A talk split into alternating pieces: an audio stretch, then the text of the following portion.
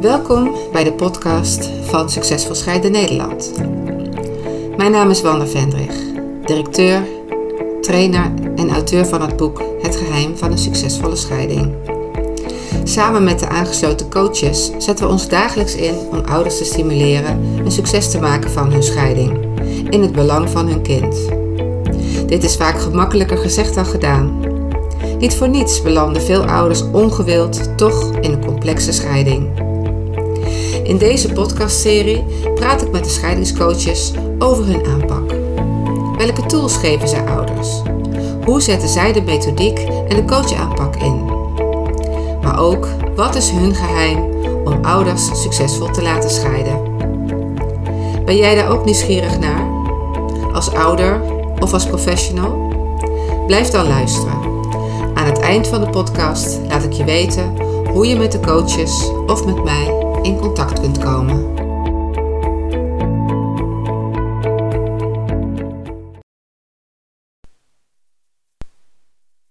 Welkom bij weer een nieuwe podcast van Succesvol Scheiden Nederland onder het thema Scheiden kun je leren. En vandaag ben ik te gast bij eh, Petra den Hollander hier in het eh, hele mooie Oud-Beierland. Dankjewel uh, voor de uitnodiging Petra om vandaag met jou in gesprek te gaan. En uh, ja, misschien is het leuk om als eerste uh, je even voor te stellen. Wie ben je en, uh, en wat doe je allemaal? Dankjewel Wanda. Heel leuk om jou hier vandaag in mijn kantoor te ontvangen. Heel fijn dat je er bent. Um, ja, en ik vind het heel erg leuk om met jou in gesprek te gaan. Ik ben dus inderdaad Petra dan Hollander. Ik uh, werk al heel lang in, uh, in het veld, in het juridische veld. Ik ben al ruim uh, 21 jaar advocaat. Wow, en ruim 10 lang. jaar mediator. En ik denk sinds 2015 heb ik bij jou de opleiding, of 2016 zoiets, de opleiding scheidingscoaching gedaan. Dus ik ben al ja. nou ja, heel lang werkzaam daarin. Ja. Um, dus nou ja, dat doe ik zeg maar zakelijk. Maar ja, privé, ik woon in Rotterdam. Ik werk dus in Oud-Beijerland. Um, ik heb een relatie, uh, een latrelatie, uh, dat wel, dus we wonen apart. Met uh, Otto en, nou ja, Otto heeft twee jongens van inmiddels 13 en 18 jaar. Dus ik ben ook nou ja, stiefmoeder. Veel leuker vind ik het te zeggen dat ik bonusmoeder ben Precies, van deze ja, twee ja. leuke jongens. Dus ja, ja en, wat leuk. Ja. ja. dus, dus ik, ik, zie ook aan de zijlijn uh, ja, wat, wat het is zeg maar, om een uh, samengesteld gezin te hebben. Of tenminste, Precies. daar zit ik zelf in. Maar ook hè, hij was, uh, nou ja, hoe hij dat heeft opgepakt. Het uitwerken van de zorgregeling en ook het, nou ja, het uitvoeren natuurlijk. En ook de, de moeilijke dingen die daar soms bij komen kijken. Ja. Dus ja, dat, uh, ja, wow. is soms ook voor mij pittig als, uh, als stiefouder. Maar ook, ja. Uh, ja. Nou ja, ik kan natuurlijk ook hè, wat ik geleerd heb in de praktijk... ja, ik zo ook zien of toepassen of advies geven. Ja, dat. zeker. Ja. Ik ben zelf niet getrouwd of getrouwd geweest. Maar goed, wel eens relatie beëindigd. Dus nou ja, qua emoties kan ja. ik ook heel goed aanvoelen nou ja, ja. waar mensen in zitten. Ja, en is dat ook wel een beetje dan meteen hè, jouw affiniteit met het thema van scheiden? Hè? Want nou ja, dat is niet meteen als je advocaat wordt dat je daar dan in terecht komt, neem ik aan. Je hebt heel veel werkgebieden, maar jij bent toch uh, echt uh, nu, gaan staan voor scheiden. Ja, nu uiteindelijk wel. Ik ben ooit strafrechtelijk afgestudeerd. Ja, dus dat is een hele andere tak van sport. Toen ben ik uiteindelijk de advocatuur ingegaan en heb ik de eerste jaren met name familierecht, arbeidsrecht en strafrecht gedaan. Dus die drie pijlers, omdat die kantoren dat dan ook vaak in die combinatie aanbieden. Mm. En dat deed ik ook nog toen ik voor mezelf ging werken, inmiddels uh, 15 jaar geleden. Maar op de een of andere manier bleek, was het aanbod van familierechtszaken en echtscheidingen, nou ja, bleek in de praktijk uh, eigenlijk groter te zijn dan de andere rechtsgebieden. Dus dat is ook eigenlijk, nou, daardoor ontstaan dat ik heel veel echtscheidingen ben gaan doen. Oh ja. ja, en in de loop van de tijd, ja, het is denk ik ook gewoon in, in mijn eigen leven met relaties, relaties beëindigen, nou ja, in combinatie met mijn werk. Um, ja, merkte ik, weet je wel, dat ik, ik, ik heb eigenlijk Uh, ik ben helemaal gefascineerd, zeg maar, uh, door het thema relaties. Van nou, Oh, wat ja. is nou een relatie? Hoe hou je dat goed? En waarom gaat Ja. dat fout? Dus het is nog eigenlijk de relatie. En daarmee natuurlijk de scheiding dat de relatie fout gaat. Ja. Uh, dat vind ik ontzettend uh, interessant. En in dat verband ook mediation, bemiddeling. Ik doe Ja. eigenlijk al, nou ja, ook al toen ik nog helemaal niet in dit vakgebied werkzaam was... Uh, ging ik al een soort bemiddelen uh, bijvoorbeeld een, een, een vriendin die al heel jong ging scheiden. Oh ja? Waarvan ik het Ja. gevoel had, die, die begrijpen elkaar niet. Die spreken allebei een andere taal. taal, die ging ik bij mijzelf uitnodigen. Haar en haar inmiddels ex-man. Om, ik zeg, ik ga volgens mij... eh, ik ga maar eens even vertalen wat jullie eh, over en weer bedoelen. Want ik zie dat dat niet Oh, werkt. dus dat is, ja... Dus mijn affiniteit is... Ja, ik weet niet. Het is een soort ontstaan... Een combinatie privé en zakelijk, Ja, denk ik. het zit gewoon in je. Ja, Je bent denk het ik, gewoon. Ja, Ja, dat is het. Dus het is eigenlijk ook wel een deel van je identiteit. Ja, zeker. Nou, Ja, mooi klopt, om te ja, horen. ja.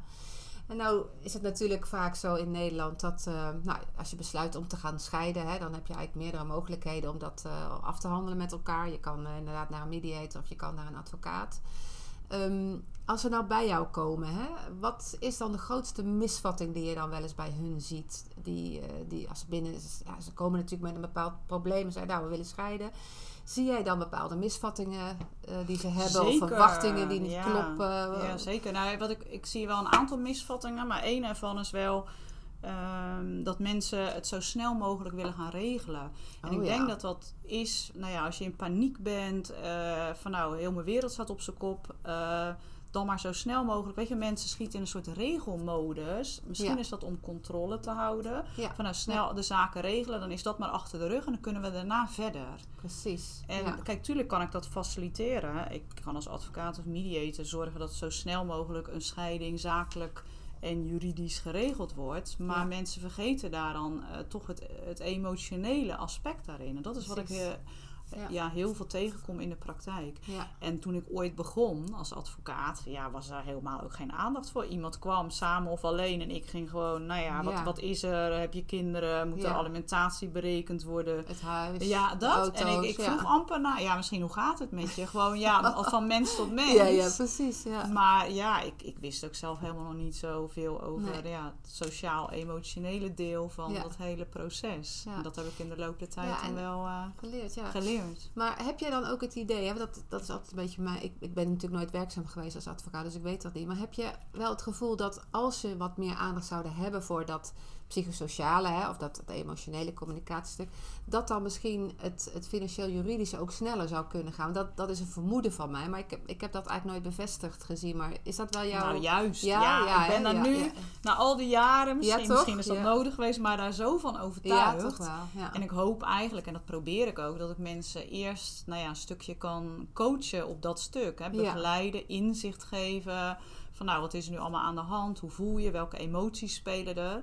Ja, ik hoop dan dat ze of alleen of samen eh, nou, eerst een aantal coachgesprekken bij me willen afnemen. Ja. Maar soms zijn mensen, die staan daar ook nog niet helemaal voor open. Als er natuurlijk zoveel aan de hand is, Ja. is het lijkt het wel of het heel moeilijk is om eh, daar gelijk mee aan de slag te gaan. Ja. Dat merk ik wel. En zeker misschien als ze bij een advocaat komen, denken ze een advocaat pakt het gelijk juridisch aan. ja, Dus dat, is denk ik ook een beetje de verwachting. Daar probeer ik dus nou ja, wel informatie over te geven. Precies. Ja. En ja, wat jij net zegt, dat zou echt de oplossing zijn. Als mensen echt de tijd eerst nemen om, eh.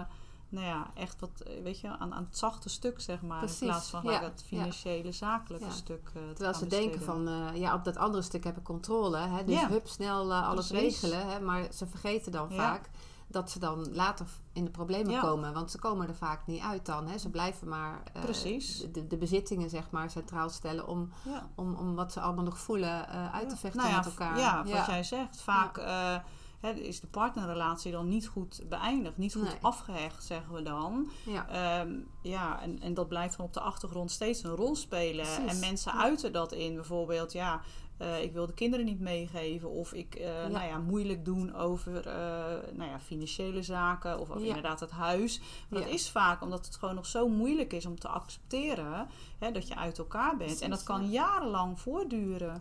Maar dan heb je eigenlijk op een negatieve manier nog steeds een band, een verbinding met je ex. Hè, dus je bent nog steeds niet los. Ja. Maar ja, hè, negatieve aandacht is ook aandacht, weten we. En een negatieve relatie is ook nog een relatie. Dus vechten is hechten.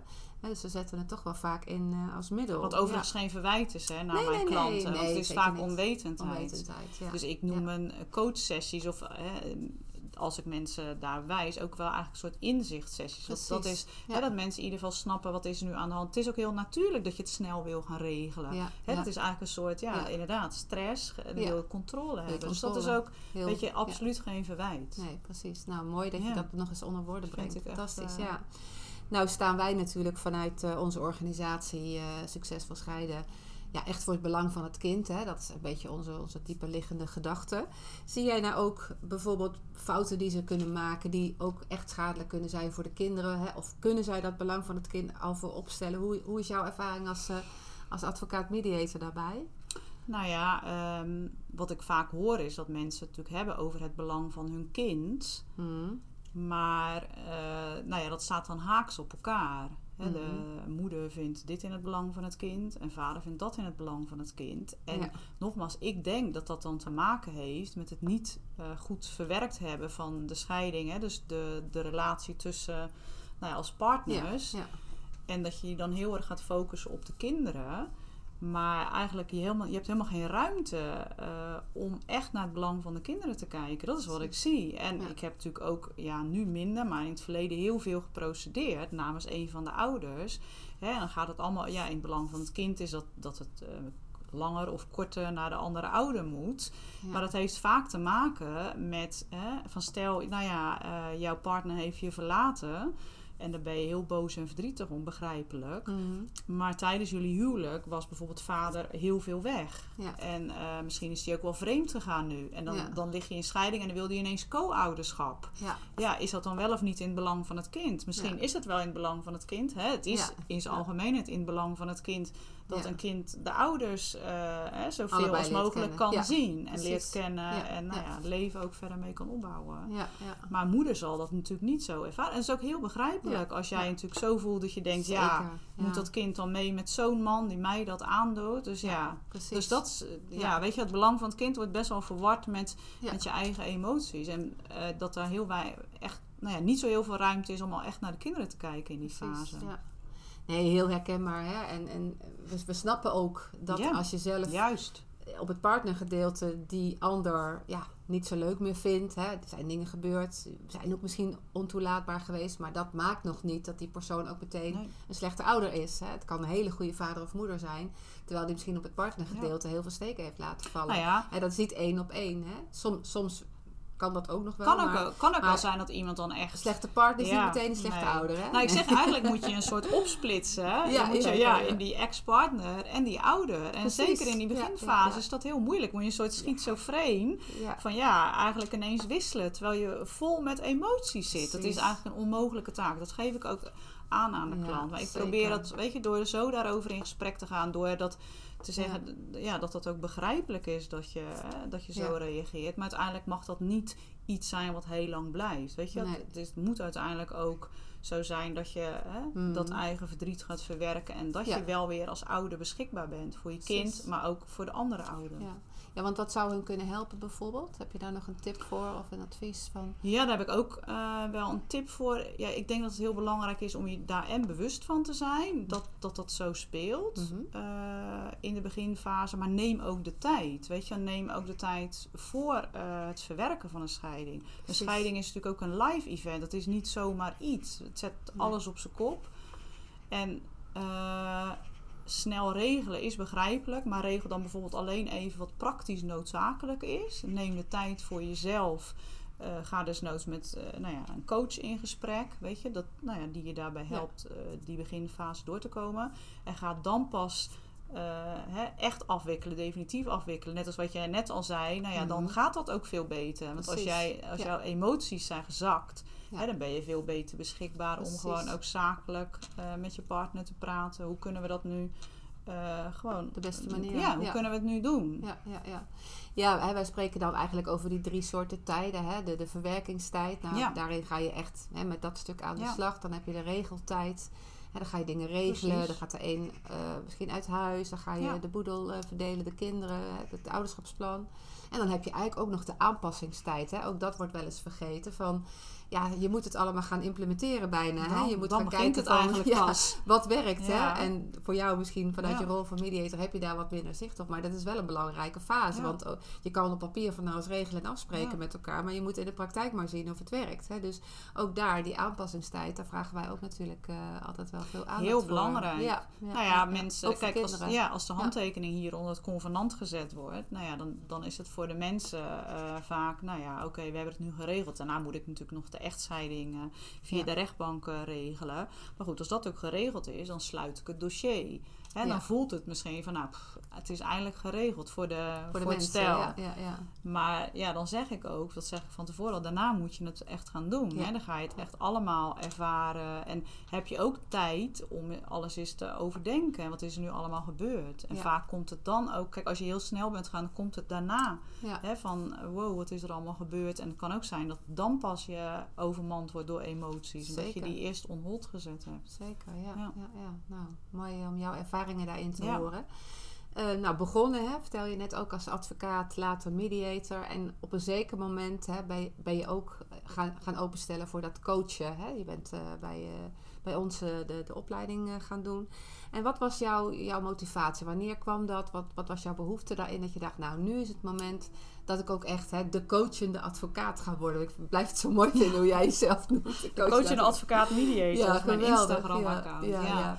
Nou, eigenlijk is het nog een stukje daarvoor. Ik heb in 2009 een NLP-coachingsopleiding gedaan. Nou, vond ik Ja. geweldig. Ja. Maar ik was toen ook alleen nog maar advocaat. En ik zag Mhm. niet hoe ik die twee kon verenigen. Maar ik dacht, oh, dat coachingsvak, dat vind ik wel heel erg leuk. Nou goed, toen ben ik het jaar daarna de mediation-opleiding gaan doen. Toen dacht ik van, nou, hè, daar kan ik, daar, eh, kan ik dat misschien wat meer aan elkaar verbinden. Ja. Ehm, maar goed, toen ben ik wel mediation gaan doen, maar niet actief iets met die coaching. En nou ja, zo tegen de, net voor de tijd dat ik bij eh, SSN eh, de opleiding ging doen, kwam ik dat dus op internet tegen. En het was voor mij een soort, denk, hé, hey, hier komt eigenlijk alles samen. Hè, want volgens, ik had ook het idee van, maar komt er ook een stukje NLP in voor? En nou ja, het was voor mij een soort, de dingen die ik al nou ja, in mijn zakelijke leven had gedaan, geleerd, eh, met de NLP-coaching. Het leek of dat allemaal bij elkaar kwam. Nou, het, het kwam precies op het juiste moment. En, dat moet ik niet vergeten te zeggen, ik merkte, ik was, ja, hoe lang was ik toen advocaat? Ja, zeg maar ruim 10 jaar, misschien al tegen de 15 jaar, dat ik zo moe was van alle vechtscheidingen. Ik had Oh ja. inmiddels al zoveel procedures eh, gedaan voor klanten bij de rechtbank. Ik werd er zelf heel ongelukkig van. Dat Ja. ik dacht, nou ja, of ik ga stoppen in de advocatuur. Want dit, ik, ik ben helemaal niet zo'n vechtersbaas. Weet je, ik wil Nee. iemand helpen, maar als je ziet uiteindelijk dat het helemaal niet op die manier werkt. Het Ja. wordt alleen maar erger. Mensen blijven terugkomen voor nieuwe procedures. Eh, de ene wil wel en de ander wil niet. Eh, nou, ik vond het heel moeilijk. Ik had daar ook helemaal geen grip op. Dus nou, dat was eigenlijk ook op dat punt. En toen kwam ik die opleiding tegen en toen ben ik dat gaan doen. Nou, ik vond het gewoon zo. Ik denk, oh wauw, ik kan gewoon nu meerwaarde bieden. Ik kan Ja. mensen helpen dat inzicht te geven. Of alleen, of eventueel samen in een mediation. Dus Ja. nou ja, zo, eh, Zo is het eigenlijk gekomen. Ja. nou, en Heel eh, mooi, blij dat je die stappen Ja. hebt eh, gezet. Ehm, en nou gaan we natuurlijk in het coachprogramma ook wat stappen zetten, altijd met die ouders. Hè. We beginnen vaak met een stukje verwerking van emoties. Maar we kijken ook bijvoorbeeld naar hè, communicatiepatronen. Eh, we leren ze ook om als ze in een conflict terechtkomen, onverhoopt, om daar toch een beetje op een elegante manier uit te stappen. Eh, we maken ze bewust wat de kinderen meemaken, hoe ze samen kunnen blijven opvoeden. Wat zie jij nou hè, als de moeilijkste stap of de grootste stap die ouders moeten nemen hè, als ze met jou aan de slag gaan en dan vooral ook op het coachgedeelte? Ehm, nou, ik neem ze, laten we in ieder geval zeggen dat ik ze ook meeneem eh, in die stappen. Hè. Dus dat begint ook inderdaad met neutraliseren van de emoties en die communicatie, stijlen. En dan hebben we natuurlijk de geweldloze communicatie. Dus hoe kan je echt naar elkaar luisteren? Ehm, kijk, die emoties merk ik dat mensen, eh, nou, die, die vinden dat heel fijn. Oh, dat, dus het is normaal dat ik zo doe. En het is ook normaal, eh, nou ja, of in ieder geval het past bij hoe mijn ex eh, zich opstelt. Dus ik denk dat dat uiteindelijk wel gaat. Maar misschien merk ik toch wel de meeste ehm, uitdaging op het communicatiestukje. En dat is dan uiteindelijk ook van, ja, hoe los je een conflict op? Hè, dus het echt naar elkaar luisteren. Maar misschien is het dus toch alle drie. Want wat maakt nou dat je niet kan luisteren? Omdat je vol zit met je eigen emotie. Of toch Ja. je frustratie. Ja. En ja, een oplossing, dat probeer ik dan te bereiken. Dat mensen echt naar elkaar eerst eens gaan luisteren. Wat Ja. zit daar nu echt achter? Wat, en, en wat maakt nou dat je Ja. iets wil of dat je ergens behoefte aan hebt? Ja. dat, dat stukje, dus je schiet dan heel vaak, ja, ik noem het dan, als je de ijsberg hebt, puntje van, het topje van de ijsberg boven water, dan gaat het van standpunt naar standpunt. In plaats van wat maakt nu dat je iets graag wil. Ja. Eh, nou ja, dus daar, dus echt, echt de tijd nemen diepte. en de diepte in, dat dat gewoon heel moeilijk is. Ja. Dat merk ik in mijn en heb je ook een voorbeeld daarvan? Hè? Heb je nu bijvoorbeeld dat je een koppel voor je ziet waarvan je denkt, nou daar heb ik dat mee gedaan? Of, en, en wat was het resultaat ervan? Kun je, kun je nou is ja, casus voor ja. ons? Ik, ehm, ik denk nu aan een, eh, aan een stel.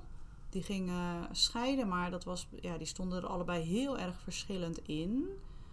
Eh, en er was ook nog een heel klein kindje, een babytje. Oh dus dat jee, is ook ja. nog eh, hè, dan. ehm, en, en die vrouw had het wel heel zwaar gehad in dat huwelijk. Ja, En een man die, ehm, ja, die gaf aan, ik wil mijn kleintje zien. En ja, moeder gaf ook nog borstvoeding. Dus nou ja, dan is het zo van... eh, en er was kennelijk ook wel iets van eh, fysiek geweld had er plaatsgevonden tijdens dat huwelijk.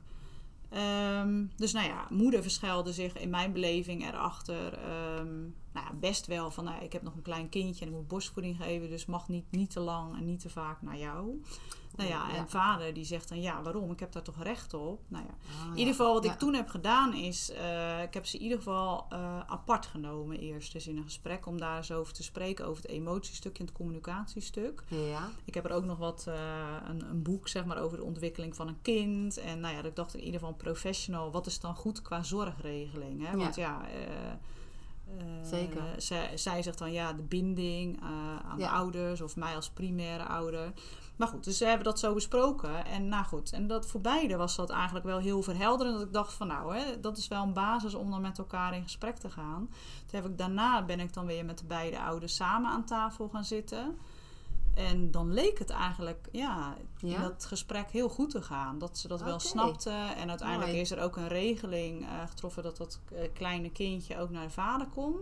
Maar op de een of andere manier, ik weet niet wat er daarna dan weer... Ja, het is toch heel veel wantrouwen of beschermend vanuit moeder en vader... die dan zich ging overvragen van... oh, het gaat dus nu goed.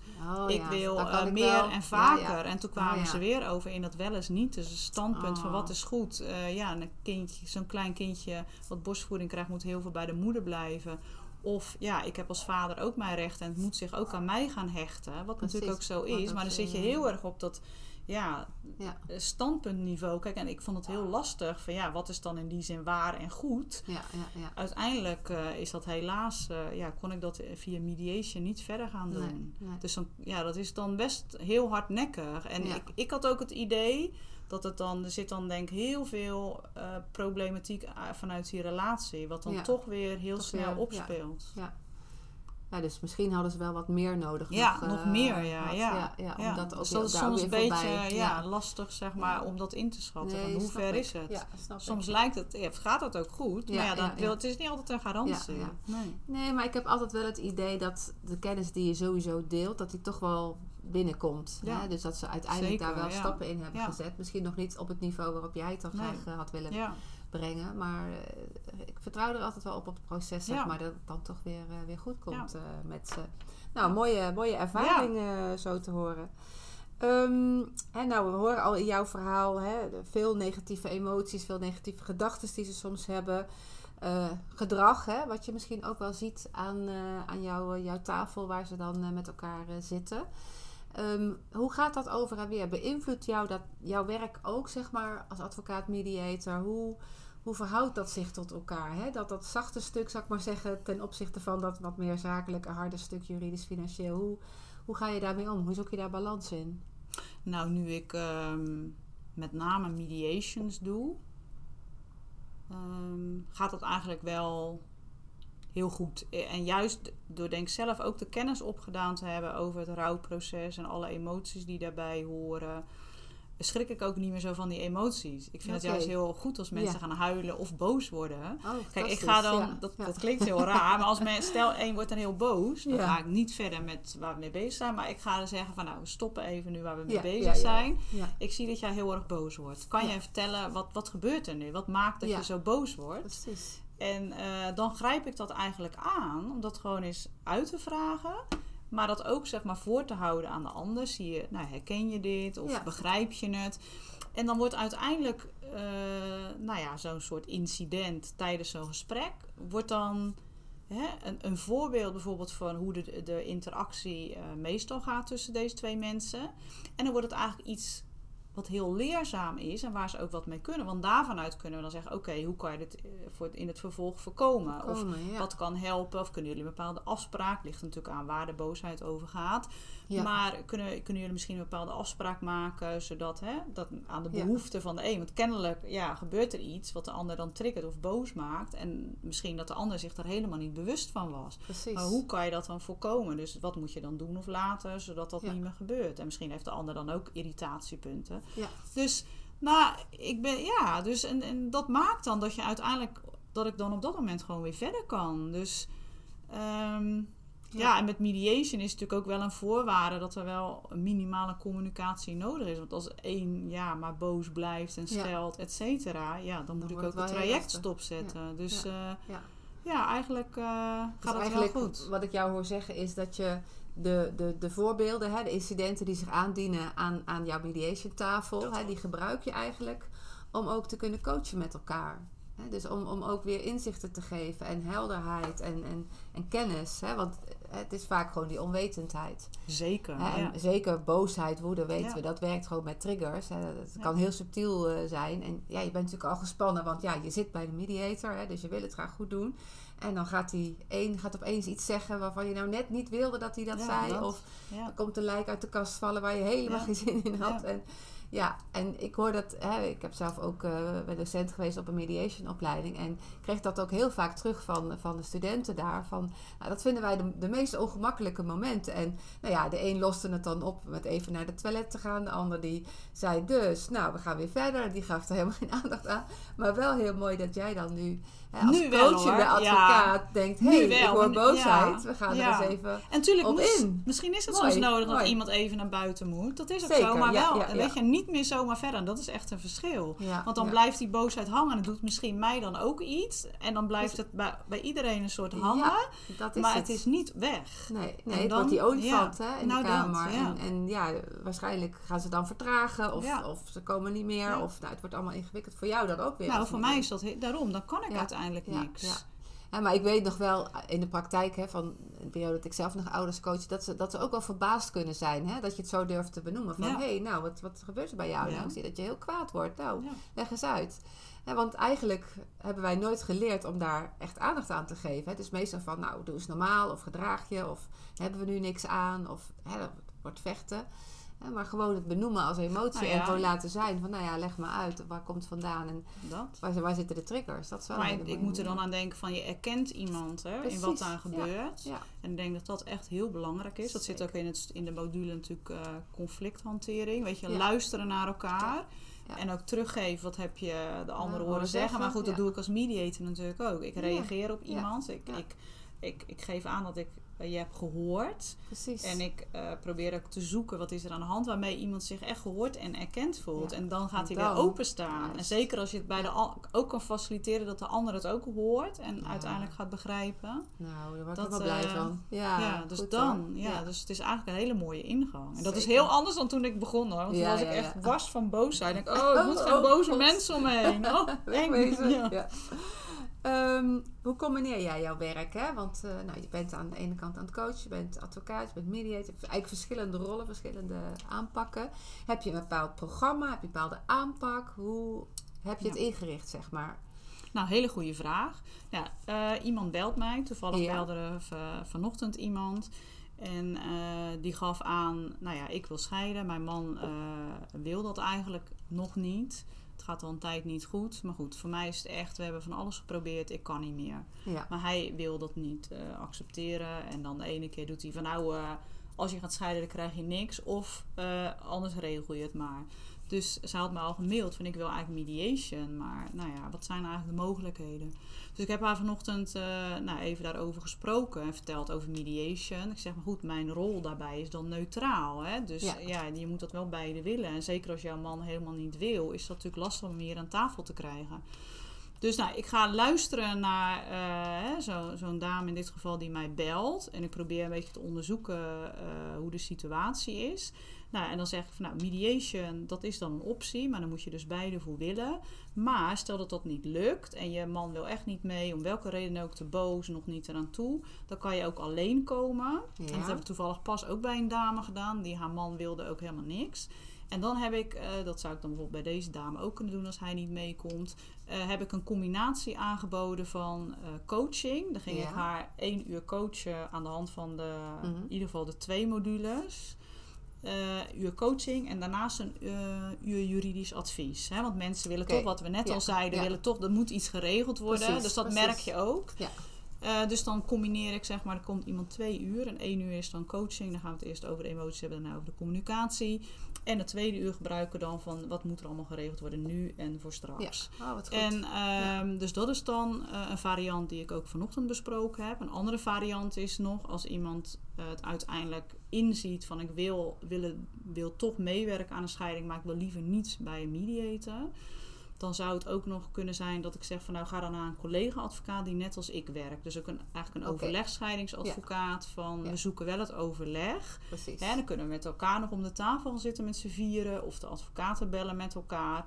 En uiteindelijk zorgen we dat er op die manier een convenant komt. Ja. En een van de advocaten dient dat dan in bij eh, de rechtbank. Dus eigenlijk, ja, ik heb niet een, een standaard eh, van nou, als je bij mij komt, doe ik het altijd zo. Ik luister heel erg naar het verhaal. Wat kan, wat mogelijk is. Mooi. Ja. Maar als mensen bellen van ja, ik zoek een advocaat en ik eh, wil een voorlopige voorziening of ik wil gelijk gaan procederen. Dan, Dan- ga ik echt eh, vertellen dat dat zoveel Nee. als mogelijk moet Ja. worden voorkomen. Precies. En dan lukt het gelukkig in de praktijk nog wel eens dat iemand toch zijn of haar partner meekrijgt. En dat Oh, het dan wat toch goed. een mediation wordt.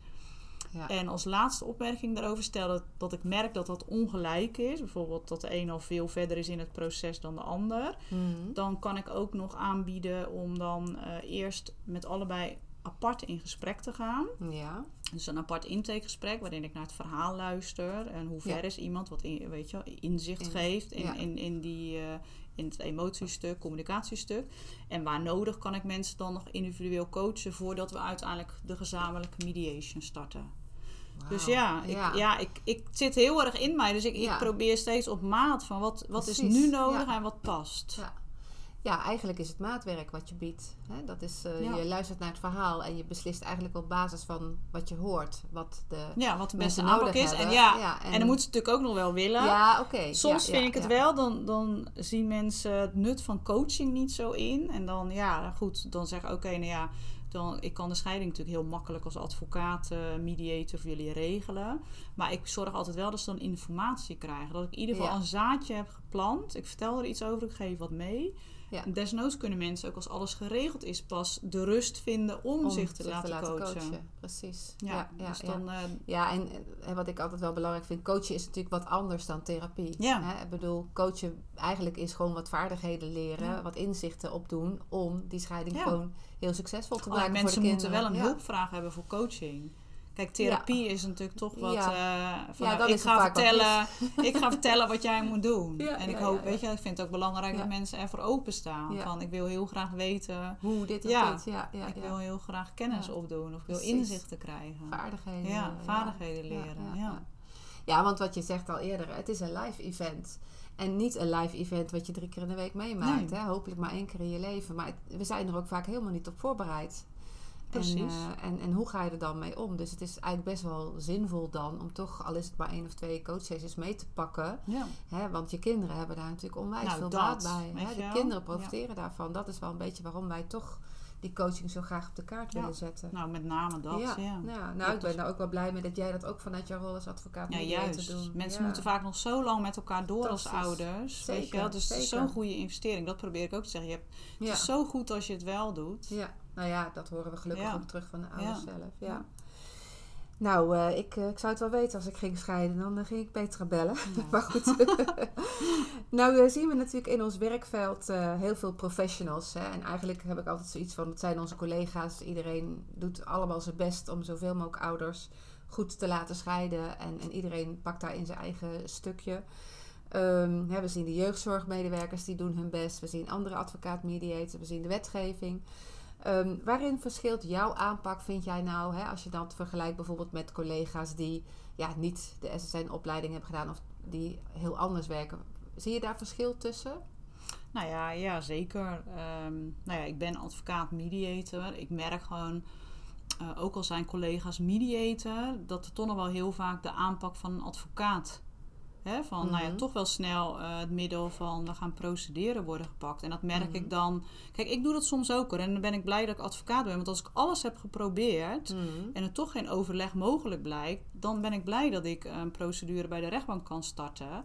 Niet zozeer om het starten van die procedure, maar toch als laatste hè, van nou, ik, we hebben in ieder geval dit middel in de hoop dat er misschien via die weg nog overleg mogelijk is. Ja, ja, ja. Uh, maar dat ik dan, stel dat ik dan in zo'n procedure zit, dat, uh, ja, dat je dan toch ja, collega's en misschien ik dan ook wel bewust of onbewust in een advocatenrol schiet. Ah, ja, en daar, ik, wil daar, ik kom tegenwoordig heel weinig op de rechtbank. En ik hoor dat eigenlijk van collega's. Heel veel collega's, mediate, advocaat mediators komen nog wel heel veel op de rechtbank. Dus ja, uh, waarin ik verschil is denk ja, door heel veel aandacht uh, te besteden aan uh, ja, het psychosociale stuk ik schrijf daar ook veel over. Ik praat daar ook veel over met klanten. en ik heb juist eigenlijk ja, de missie om daar nog veel meer zeg maar, aandacht aan te gaan besteden. En ik wil wel advocaat blijven, maar juist om uh, misschien daarin ja, ook een verschil te maken. Want ik geloof dat de oplossing juist ligt zeg maar onder water. Hè? Dus juist uh, waardoor is het allemaal ontstaan. En door daar meer van te weten, meer van te snappen, uh, kan je denk ik ook. Ehm, ja, kan je uiteindelijk ook tot die oplossing komen. Ik vind ook bijvoorbeeld een hele mooie, hele mooie quote die ik ooit heb gehoord bij een, ehm, een opleiding die ik heb gedaan.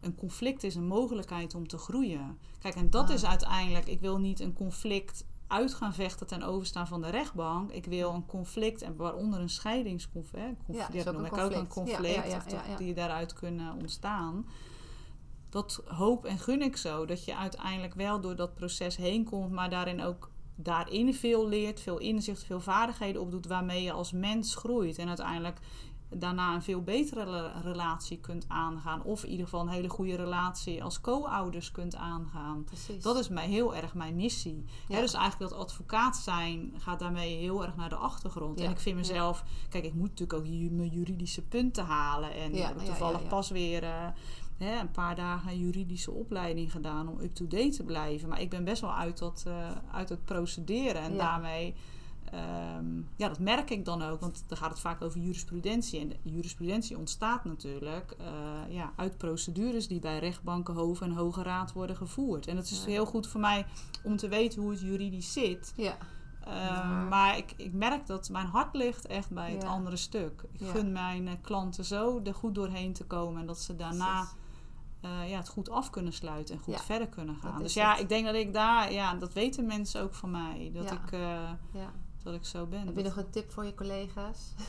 ja, ga dat ook doen. Ga ook een coachopleiding doen. Ga, ja. Ja, doe de scheidingscoachingsopleiding. Of in ieder geval alles wat, ja... Uh, dat gelukkig zijn er steeds meer collega's. Ik ga met ja, veel collega's goed contact. En je ziet wel een ontwikkeling dat er steeds meer collega's of bijvoorbeeld een opleiding personal coaching doen. Of ik heb pas met een uh, groep collega advocaat mediators uh, een meerdaagse opleiding geweldloos communiceren gedaan. Ook leuk. Dus er is uh, wel steeds meer aandacht voor die kant. En dat ook het inzicht van hè, ja, procederen is niet de oplossing. Nee, nee dus dat, dat vind ik heel mooi om te dat zien. Dat vind ik wel een mooie quote. Procederen is niet de oplossing. zeker. Dat, denk ik, dat weet ik wel zeker, ja.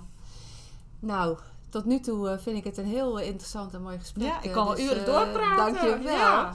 Maar ik heb toch nog een laatste vraag voor je. Want, ehm, en dat is misschien meer een wat grotere vraag. Een, een, een, soort wensvraag. Die stel ik eigenlijk bijna aan iedereen. Maar er is natuurlijk veel gaande. Hè? Wetgeving. je hebt het al over procederen. Vechtscheidingen. Nou, we weten heel hoop te doen met dat hele scheidingswerkveld. Um, stel, ik geef jou een, een toverstokje. Je mag uh, iets wensen. Je mag iets veranderen in die wereld. Hè, al is het op gebied van wetgeving of aanpak. Of dat iedereen een bonus krijgt. Hè, maakt niet uit wat. Uh, wat zou jij dan willen veranderen? Hè? Hoe zou je de wereld dan nog, nog mooier kunnen maken met dat toverstokje?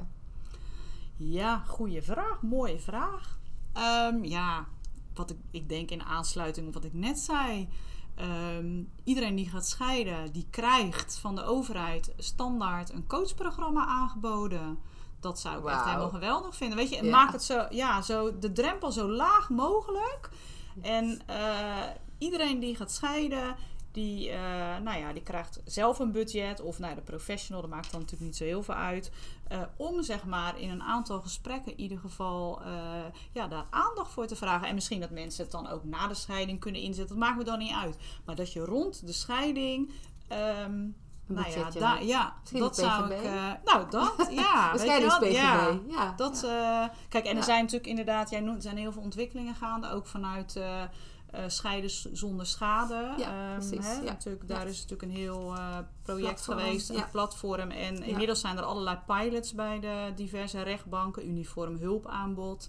Eh, de gezinsadvocaat, maar ook de, de, eh, zeg maar dat je zeg maar als één advocaat dient namens de twee eh, partijen een verzoekschrift in en daar staan de overeenkomsten en de geschilpunten. Dus dat je wegblijft van het toernooimodel. Dat Ja. vind ik echt een hele goede ontwikkeling. En als ik een toverstaf he- zou hebben, zou ik echt willen dat, ja, ik geloof daar niet in, in dat toernooimodel. Nee, Nee, dat is. Nee, moet echt van de baan. Ja, Ja. zeker. Ja. Ja, maar goed, dat, dat zijn dan toch weer meer juridische ontwikkelingen zoals ik dan hè. En wij, Ja, maar dat is wel mooi dat ja, dat toch wel in combinatie. Ja, Klopt. want Ja, stel dat, nee, want het toernooimodel dwingt je om een standpunt te gaan innemen. ik, en dat gaat ik, uiteindelijk niet meer om Nee. het emotiestuk. Daar is heel weinig ruimte dan voor in de rechtbank. Wat logisch is, daar is een rechtbank ook niet voor. Nee, klopt. klopt. Ja. En voor sommige zaken is het wel weer goed natuurlijk dat, dat uiteindelijk die procedures mogelijk Mogelijk blijven. zijn, omdat ja. het soms wel juridisch weer relevant is. Dus nou ja, hè, dat is nog zoeken. Wat is dan het beste? Ja, nee, helder en mee eens. Ja, nou, ik denk dat dit een eh, hele mooie afsluiting is eh, van ons eh, prachtige gesprek.